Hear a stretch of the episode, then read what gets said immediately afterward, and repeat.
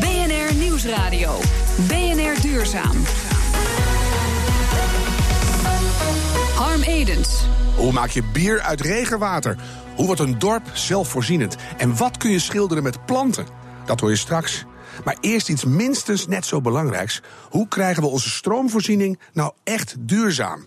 Want door de overheidssubsidie nemen steeds meer particuliere zonnepanelen. Tussen 2011 en 2015 verdertienvoudigde dat zelfs. Maar daarmee kregen we ineens twee problemen. Als er te veel zon is, kan er overproductie ontstaan, waardoor het net eruit kan klappen. En als er geen zon is en ook geen wind, moeten we toch nog steeds terugvallen op vervuilende kolencentrales. Gelukkig schijnt er een oplossing te zijn, bedacht door energie-econoom Magiel Mulder van de Rijksuniversiteit Groningen. Je frons, Magiel?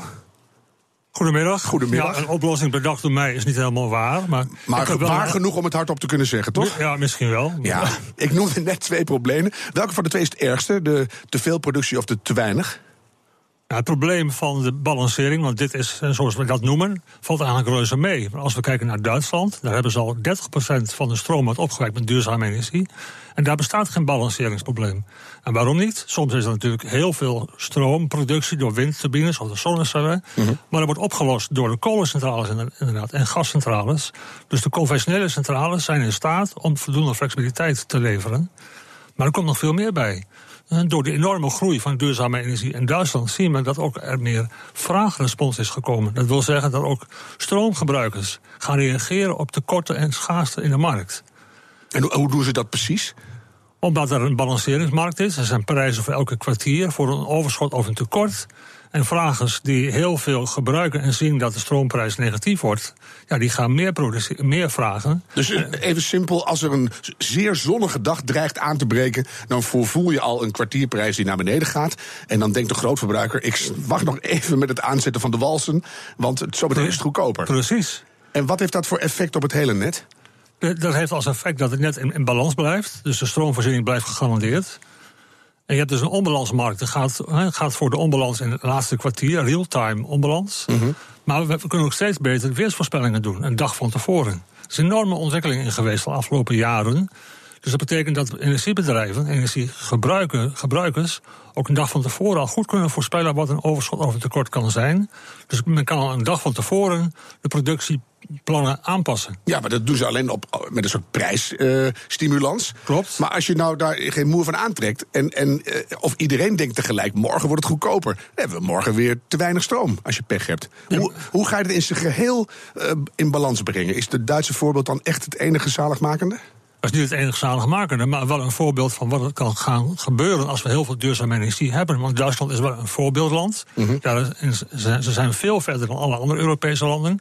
En we zien daar dat we geen problemen hoeven te hebben in de onbalansmarkt. Maar we zien wel andere problemen. Laten we eerst, want er stond vandaag een heel groot artikel in de krant. Duitsland had zijn klimaatdoelstellingen ook niet. Maar daar gaan we nu niet in detail op in. Zullen we even terug naar Nederland? Wij zijn veel kleiner nog. Veel, veel, mm, 10% is duurzaam ongeveer. Klopt. Hoe, hoe erg zijn wij in onbalans op dit moment?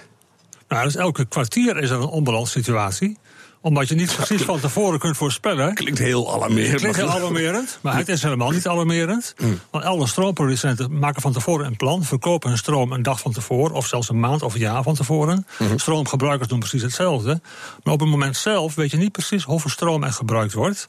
Dus heb je enige onzekerheid en dat is een onbalans. Ja, en daardoor heb je nog steeds die terugval op kolencentrales, et cetera, nodig. Ja, of uh, vraagrespons, of Ja. we hebben import en export. Er zijn allerlei voorzieningen en mechanismen in de markt. En wat belangrijk is, dat je een markt hebt, een onbalansmarkt hebt. Dus een systeem waardoor vragers en producenten kunnen reageren. En die, dat, dat- die markt heeft zich ontwikkeld de laatste jaren. Even naar die, die piekmomenten, zowel plus als min. Hoe vaak zijn we in Nederland zo ver dat je denkt, nou, nu wordt het een beetje precair? Ik denk nog helemaal niet. Dat de situatie is vrij stabiel. Door die grote centrales kunnen we alles opvangen nu. Ja, en door de vraagrespons die we hebben, dus ook de energiegebruikers die reageren. Wat dat betreft is er geen probleem. Duitsland laat zien dat het helemaal geen probleem hoeft te zijn als je nog veel meer duurzame energie hebt. Wat wel het geval is, dat alle particulieren die zonnecellen op hun daken hebben, helemaal niet reageren op onbalanssituatie. Dat is de volgende stap. Hè? Er komen steeds meer van die panelen op een dak. Maar wij, blijven gewoon door die salderingsregeling... dat de overheid goed betaalt voor teruggeleverde stroom... blijven wij gewoon lekker terugleveren. Dat klopt. Particulieren zien helemaal niet de uurprijs of de prijs van het laatste kwartier. Men krijgt op jaarbasis gewoon een afrekening. Dus men heeft geen enkele prikkel om te reageren op onbalans. Dat is dus geen probleem, omdat, omdat andere partijen dat wel doen. Maar het zou kunnen zijn dat particulieren wel opties hebben om toch te reageren. Bijvoorbeeld door zelf kleinschalig stroom te gaan opslaan in een mhm. batterij of in een, batterij van een auto. Nou, die voorzieningen worden niet gebruikt omdat men geen prikkel heeft. En wat zou die prikkel dan kunnen zijn? Ik kan niet thuis op een stoel gaan zitten en bij de stroommeter gaan kijken. Oh, hij gaat omhoog, ik eh, ga leveren. Daar heb je geen tijd voor. Dus... Nou, je kunt het allemaal automatiseren. En met computers is het hoop mogelijk. Maar waar het mee begint is dat er wel prijzen zijn die variëren van uur tot uur. Afhankelijk van de situatie in de markt. Mhm. Dat is nu niet het geval. Dat geldt zowel voor de salderingsregeling. Dat is gewoon een jaarlijkse afrekening. Maar dat geldt ook voor de stroomprijs die je krijgt. Ook op basis van een jaartarief. Dus consumenten hebben geen enkele prikkel om te reageren op de markt. Nou wil je de consumenten wel mobiliseren om ook zogenaamde flexibiliteit aan te bieden aan het systeem, waardoor mhm. het systeem nog stabieler wordt. Dan zullen ze ook prijzen moeten zien. Zowel voor de subsidies voor duurzame energie als voor hun stroom. En misschien ook voor het gebruik van de netwerken. Die variëren in de tijd. Dat komt erbij, want je kunt al die partijen onderscheiden van elkaar. Dus eh, de particulier, de grote stroombedrijven en de netbedrijven. Dus eh, als je dat allemaal flexibel wil maken, is dat technisch onmogelijk? Dat kan. Het is de vraag ook of je dit sociaal wel zou willen. bijvoorbeeld de netbeheerders die rekenen nu een vast tarief voor het gebruik van je netwerk. Dat is een vast bedrag per jaar. Mhm. Maar je zou kunnen, naartoe kunnen overgaan dat energiegebruikers of energieproducenten een tarief betalen die afhankelijk is van de belasting van het netwerk in een regio. Maar de komende 15 jaar wordt ongeveer iedereen producent als we niet uitkijken. Dat dus... klopt, en dat geldt een systeem voor iedereen. Mhm. En een, een, systeem, een innovatie kan zijn dat je die netwerktarieven meer in de tijd laat variëren. Van dag tot dag of van uur tot uur. Waardoor er gewoon een prijs is voor schaarste in het netwerk. Dat geeft gewoon prikkels aan particulieren om misschien te investeren in, in opslag omdat die prijs varieert van uur tot uur, hebben ze een prikkel om soms stroom op te slaan als de prijs heel, uh, heel hoog is voor het gebruik van het netwerk. Ja. En het is een prikkel voor de netwerkbeheerders. Als die prijs voor het gebruik van het netwerk soms heel hoog is, om te investeren in het oplossen van de bottlenecks. Van de knelpunten, ja. Je kan er ook nog voorstellen dat je niet permanent alles teruglevert aan het net. Omdat je gewoon lekker een buffertje in je kelder hebt in een batterij of in je Bluetech battery in de tuin. Dat je denkt, nou, ik, uh, ik, ik spaar het even tot ik het zelf nodig heb. Is dat ook nog een, een egalisator in het geheel? Dat kan, als particulieren dat willen doen, dat, dat is, dan is dat mogelijk. Ik zou dat een heel fijn idee vinden. Dat ja. naast een koffieopslagje in de kelder voor de Derde Wereldoorlog ook wat stroom Ook voor stroom heb. En er zijn steeds meer mensen die dat graag willen. willen graag onafhankelijk zijn van de stroomvoorziening. Mhm. Maar de vraag is of je dat zou moeten willen, want het is vrij duur om het te doen. Er zijn veel goedkopere opties beschikbaar in de maatschappij. Om het met elkaar rond te pompen. Om het samen te doen. Als we het samen doen, is het dan veel goedkoper. En dat is niet zomaar een voordeel voor jezelf, maar maakt het ook voor de maatschappij goedkoper om de energietransitie te realiseren. En dat is fijn, hè? daar willen we uiteindelijk naartoe. 15 jaar hebben we nog ongeveer, dan moet het gefixt zijn. Bedenk ik altijd maar hardop. En, en dan is het fijn om dat met elkaar te kunnen doen. Eh, wat moet het kabinet nou het probleem helder hebben? Wat moet hij voor stappen gaan zetten? Nou, een probleem met die energiesubsidies, met de energiesaldering voor duurzame energie, is dat het wel vrij duur gaat worden. Als je uh, energie, of als je subsidies geeft voor een of andere techniek, bijvoorbeeld zonnecellen, heb je een probleem dat het veel te veel kan zijn. Er ontstaan allemaal gratis winsten, dat wil je niet. En daar neigt het nu een beetje naartoe omdat het rendement van investeren in zonnepanelen enorm sterk is toegenomen. En nog heel erg gaat toenemen. En gaat toenemen. Het gaat naar onvoorstelbare hoogtes, hoorde ik al uit illegale bron. Nou, omdat de kosten van zonnecellen enorm dalen, terwijl de opbrengsten nemen toe. Nou, dat wil je eigenlijk niet als maatschappij. Dus die opbrengsten, die vergoeding voor zonnecellen moeten omlaag. Mhm. En daarnaast wil je wel een prikkel geven dat iedereen zo efficiënt mogelijk investeert. Ja. En die ontbreekt nu eigenlijk ook. Dus die visie zou nu eigenlijk uit de politiek van het nieuwe kabinet na 15 maart, dat, dat hebben we nodig. Ik denk het wel. Ik denk dat de politiek daar ook mee bezig is. Een voorbeeld is de, de veiling van offshore windparken. En veel meer gebruik gemaakt van, eh, van financiële prikkels. Nou, dat heeft meteen al toegeleid dat de prijs van windmolens enorm is gedaald. En die technische kant van het verhaal, dat je die stroomtarieven variabel maakt en dat ook computertechnisch een beetje makkelijker maken voor de individuele stroomproducent, dat, dat is al te doen, denk dat kan. Dat kan al heel snel kan dat gebeuren. Mooi. Dan even nu terug naar Duitsland, want daar was je net. Wat doen die nu fundamenteel beter dan wij nu? En wat ze heel erg goed hebben gedaan, door heel veel subsidies, heel veel garanties te geven aan iedereen die, duurzame energie wil produceren, met zonnecellen of windmolens. Daardoor zijn ze heel succesvol geweest. 30% wordt opgewekt met duurzame energie. Maar er is altijd ook een andere kant van de medaille. En dat is dat het heel erg duur is. En in Duitsland heeft men nu besloten om toch die subsidies van duurzame energie af te bouwen. Om minder goudgarantie garanties te geven aan de partijen. Want het is voor de burger bijna onbetaalbaar geworden. Dat is fijn toch? Dan kunnen wij lekker naar de Duitsers kijken. Dan hoeven we die fouten niet meer te maken. Precies. Dankjewel. Magiel Mulder, energie-econoom van de Rijksuniversiteit in Groningen. BNR Nieuwsradio. duurzaam. Ook in 2017 zeilen ze over de wereldzeeën. Naar duurzame oplossingen voor onze losgeslagen planeet. Het basismateriaal kurk kennen we in Nederland vooral van de kurkentrekker en een historisch VPRO-programma. Maar in Zuid-Portugal is kurk een volwaardige grondstof voor kleding, schoenen en zelfs paraplu's. En laat dat nou net de plek zijn waar onze sailors voor anker zijn gegaan. Ivar, goedemiddag. Harm, goedemiddag. Ja, Arjan en Tosca die waren hun tijd eh, ver vooruit met die satirische sketches. Ja. Uh, maar Kirk, Kirk heeft uh, fantastische duurzame eigenschappen en heeft, zoals je al zei, veel meer toepassingen dan alleen voor wijn en champagne. Dus het is tijd voor meer creativiteit met kurk, wat ons betreft. Ja, en jullie zijn daarom naar een kurkboerderij en een kurkfabriek gegaan. En daar maken ze banken en stoelen en tassen en zelfs paraplu's. En dat laatste moet je even uitleggen. Zuig je daar de regen mee op, bijvoorbeeld? Ja, nou, voordat ik jouw vraag direct beantwoord. Kijk, kurk um, wordt gewonnen uit de schors van de kurkeik. En die Mhm. wordt elke negen jaar. jaar geoogst. Ja, de boom blijft staan. Het is dus een hernieuwbaar materiaal dat veel CO2 vastlegt. En volledig biologisch afbreekbaar is.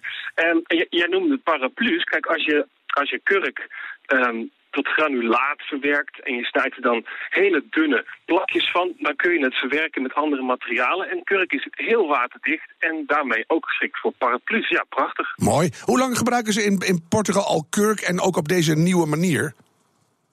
Ja, kurk is al duizenden jaren oud. De Romeinen gebruikten het al om wijnflessen mee af te kurken. Daar, eh, ja, daar kennen we natuurlijk in Nederland ook vooral van. Maar de diversiteit in de toepassingen, ja, die lijkt toch de laatste tien jaar met name toe te nemen. We kennen het allemaal natuurlijk al wat langer van vloeren. Ehm, maar je ziet het nu ja, op steeds meer plekken ook voor, ehm, eh, voor kleding en textiel, wat je noemde, tassen. Ja. Zelfs iPhone-hoesjes. Denk aan akoestisch materiaal. Eh, nou ja, de toepassingen zijn ongelooflijk breed. En, en is het ook een succes? Exporteren ze er lustig op los? Eh, ja, in Port- Portugal produceert 52% van de, van de wereldwijde productie, die op zo'n ongeveer 350.000 ton per jaar ligt. Ehm, eh, ja, en heel veel gaat inderdaad naar het buitenland. Ja, als je dan het hele proces kijkt, hè, want dan is het materiaal duurzaam, maar dan het hele productieproces en, en wat je aan energie nodig hebt, is er onder de streep echt een milieuwinst? Ehm, nou, de schattingen zijn dat er zo ongeveer 10 miljoen ton CO2 wordt vastgelegd op jaarbasis door de kurkeiken. Nou, een groot deel daarvan eh, wordt in die, eh, in die kurk vastgelegd. Ehm, ja, als je het hele proces bekijkt, is het natuurlijk ook afhankelijk van de energiemix die je gebruikt in de Mhm. fabriek, transport, et cetera. Dus dat is moeilijk eh, in te schatten. Er zijn ongetwijfeld ook nog heel veel verbeteringen mogelijk.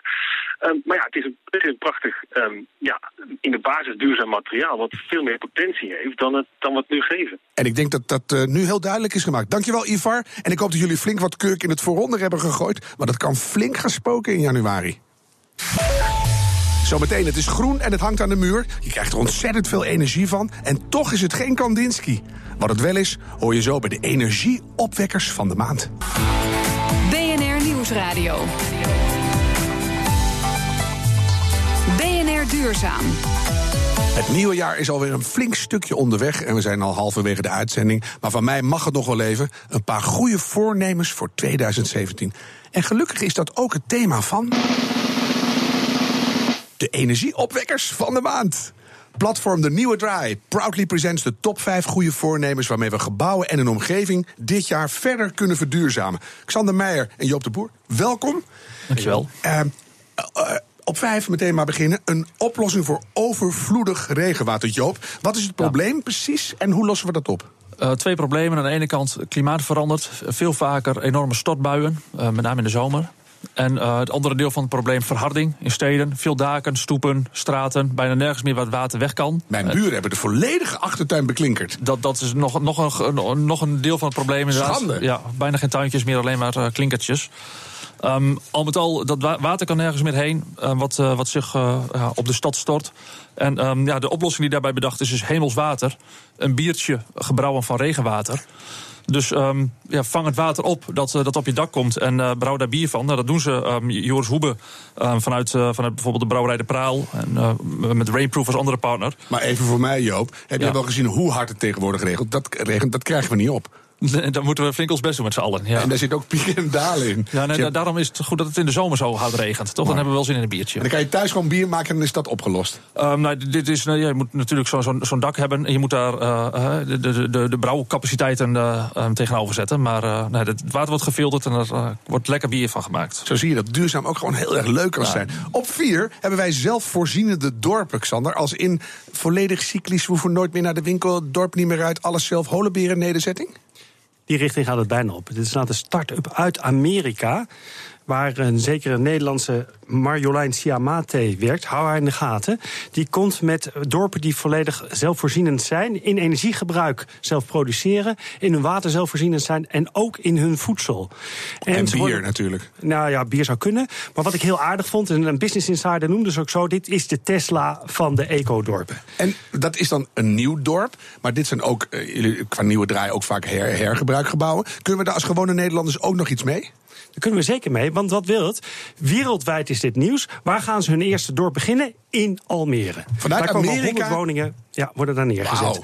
Het schijnt eind 2017 klaar te zijn. En wat ik nou zo leuk vind, is dat elk gebouw hier een voorbeeld van kan nemen. Als je je je je gebouw in de context van je omgeving kijkt, zijn er veel meer mooiere verbindingen mogelijk. En kan je het inderdaad energiepositief maken. En kan je je eigen voedsel voorzien. En kan je beter met je water omgaan. En dat leren we hiervan. En kunnen we ons aanmelden als we daar willen wonen? Zeker. Ik heb me al zelf aangemeld, dus ik wil niet te veel aanmeldingen hebben, want ik wil er gaan wonen. bnr.nl, meld u aan. Op drie, Power Windows. Glas in je huis dat energie oplevert. Joop, dat is het al een aantal jaren. Wat is daar in 2017 nieuw aan? Uh, nou ja, het is er al een aantal jaren. Het is natuurlijk eh, eh, ten eerste gewoon een, een hele eh, interessante manier om te zorgen dat je, nou, als je bijvoorbeeld eh, kantoren hebt, eh, publieke gebouwen met heel veel glas, met heel veel mensen die daar ehm, werken tijdens, eh, eh, tijdens eh, nou de uren dat de zon ook schijnt. Goede manier om, om, om, om zonne-energie te gebruiken. En wat is daar nieuw aan? Ehm, niks opeens nu het 2017 is natuurlijk, maar wel de oproep vanuit ons, eh, denk ik, dat dit een, echt iets is waar je als bedrijf, als organisatie dit jaar eh, wat mee zou kunnen doen. Dus Hij is eigenlijk met nieuw stip op drie. Want dat nou, is een heel stip. goed ding. Je, je ziet, je ziet dat, het, ehm, eh, dat, de, dat de bedrijven die dat kunnen, dat nu goed kunnen. En dat er, een, eh, dat, dat er de kansen zijn om, om daar nu eh, nou, ja, echt, echt wat mee te gaan doen. En nou, mocht je als bedrijf iets willen met energie, eh, dit is echt een eh, ja, grote kans. Ja, en dan wordt de prijs waarschijnlijk ook langzaam Dan wordt de lager. prijs langzaam lager natuurlijk. Dat is gaan naar zo. twee. En eindelijk zijn we er dan. Het groene schilderij, Xander. Ja, een schilderij van groen. Ook wel gezonde kunst, zou je het kunnen noemen. Ja, wat wil dit zijn? Ehm, een schilderij. Elk bedrijf kan dit trouwens in zijn gebouw ophangen. Gewoon aan de muur hangen. Een schilderij, een lijst. En daarin groeien inderdaad levende planten. We weten allemaal dat planten goed is voor de productiviteit van mensen. Mensen voelen zich prettiger bij, gaan beter produceren. Dus ik wens elk gebouw in 2017 zo'n groen schilderij. Een live picture wordt het wel genoemd door Koninkke van Ginkel. Maar waarom hebben we daar nou weer een lijst voor nodig? Je kunt toch ook gewoon planten er neer dat is een hele goede vraag. Dank. Want die lijst is tevens het waterreservoir. En daardoor hoef je deze plant maar vier in de, één keer in de vier weken water te geven. Ah, die wist ik echt niet, hè, want had ik hem niet gevraagd. Maar dat vind ik echt goed. Dan heb je tenminste een lijst met een functie. Slim, hè? Meestal is het kunstwerk wel mooi, maar de lijst zo lelijk. Of andersom. En deze maand op nummer 1. De oplossing om circulair om te gaan met de inrichting van je kantoor, Xander. Leg even uit wat het is. Ja, dit is, eh, ik, ik introduceer hier Michael Kuiper van Desco. En die heeft inderdaad een geweldig tool. Elk bedrijf zou dat tool gewoon moeten inschakelen. Michael, waar gaat het over? Ja, Ja, dankjewel. Nou, eh, de tool gaat inderdaad over het waardebehoud van de bestaande kantoorrichting. Heel veel bedrijven hebben absoluut geen eh, waarde of hebben geen inzicht wat, wat het waarde is van het eh, meubilair. Echt de financiële waarde. daar doen we echt heel veel fout mee. Hè. We gaan slordig om met onze meubels. Nou ja, wij vinden dat duurzaamheid begint bij het waardebehoud van het bestaande meubilair. Ja. We hebben inderdaad een tool ontwikkeld, een applicatie, waar we inderdaad aangeven wat is nou daadwerkelijk de waarde van uw meubilair. Wat doet het in de footprint als wij het eh, een tweede of derde levenscyclus geven? Wat voor grondstoffen zitten erin, ook voor naar de toekomst toe? Wat kun je uiteindelijk eruit halen? Ja. En uiteindelijk geeft het rapport een, een, een inzicht van hoe versla je ook zelf de afvalberg op deze manier. Maar, maar ik denk heel essentieel, hoeveel waarde zit erin? Ja, want even, eh, je zegt tool, is het een app of is het een, een, een, een rondslingerende scanmeter? Wat denk ik Nou, aan? wij vinden het een hele mooie scan, maar het is inderdaad een, een app. Dat vind ik overzichtelijk, een app. Exact. En eh, als jullie klanten die gaan gebruiken... en dan weten ze eindelijk wat ze in huis hebben... en hoe dat een tweede of een derde leven kan krijgen, wat heel mooi is... zou ik meteen denken, daar gaat je omzet. Zo zou je het kunnen zien, maar wij zien daar een hele grote doelgroep in. En zeker in het hogere, hogere segment, waar heel veel grote uh, corporates absoluut nogmaals niet weten wat hun waarde is. Maar ook het simpele refurbishen, het overstofferen, het overspuiten, het verkleinen van bureaus. Wat uiteindelijk veel minder kosten met zich meebrengt, veel beter in de duurzaamheid is. Ja, die tool is nu voorhanden om ook aan Toma te laten zien hoe het allemaal kan. Maar het is niet zo simpel dat je zegt: we gaan een flexplek maken, we zagen een groot bureau in tweeën.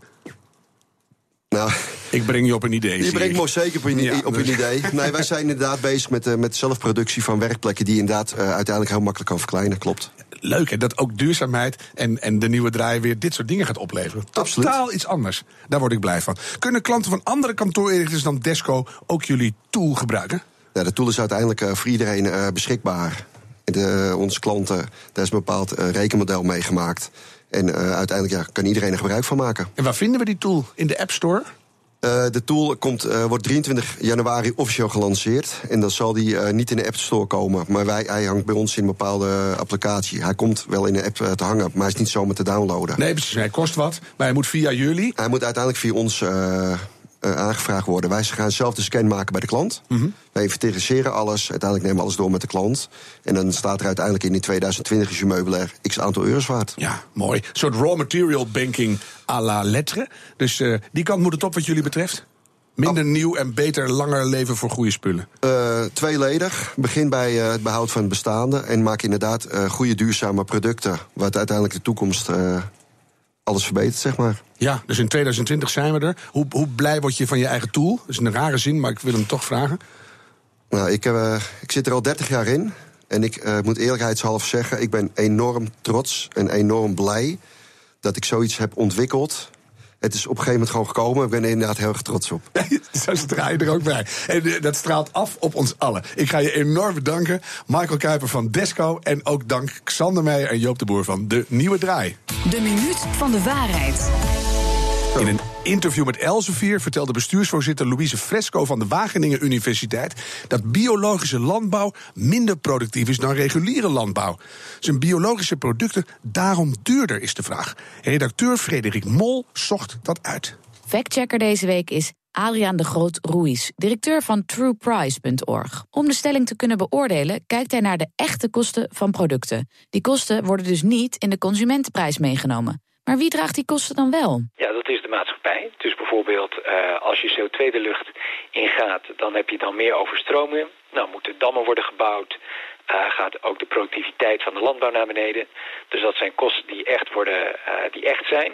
Alleen degene die geniet van het stukje chocola, betaalt daar niet voor. Welke informatie heb je nodig om de stelling te kunnen beoordelen? Milieu is het meest interessant, want het voordeel is dat het per hectare beter is.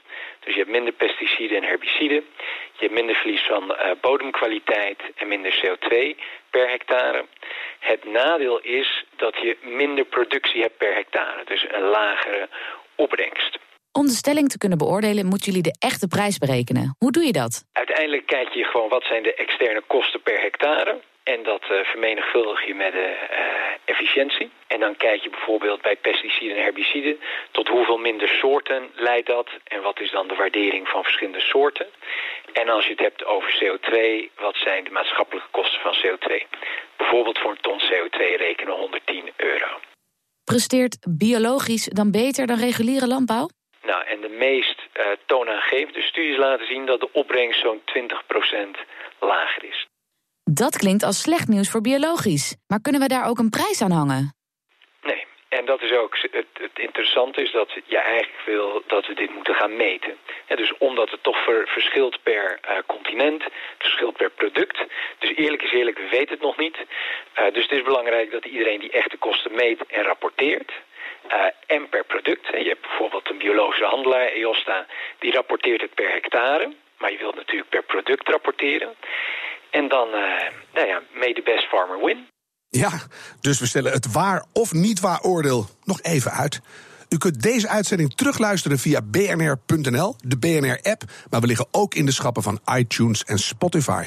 Zometeen is Petra Grijze hier met BNR Spitsuur.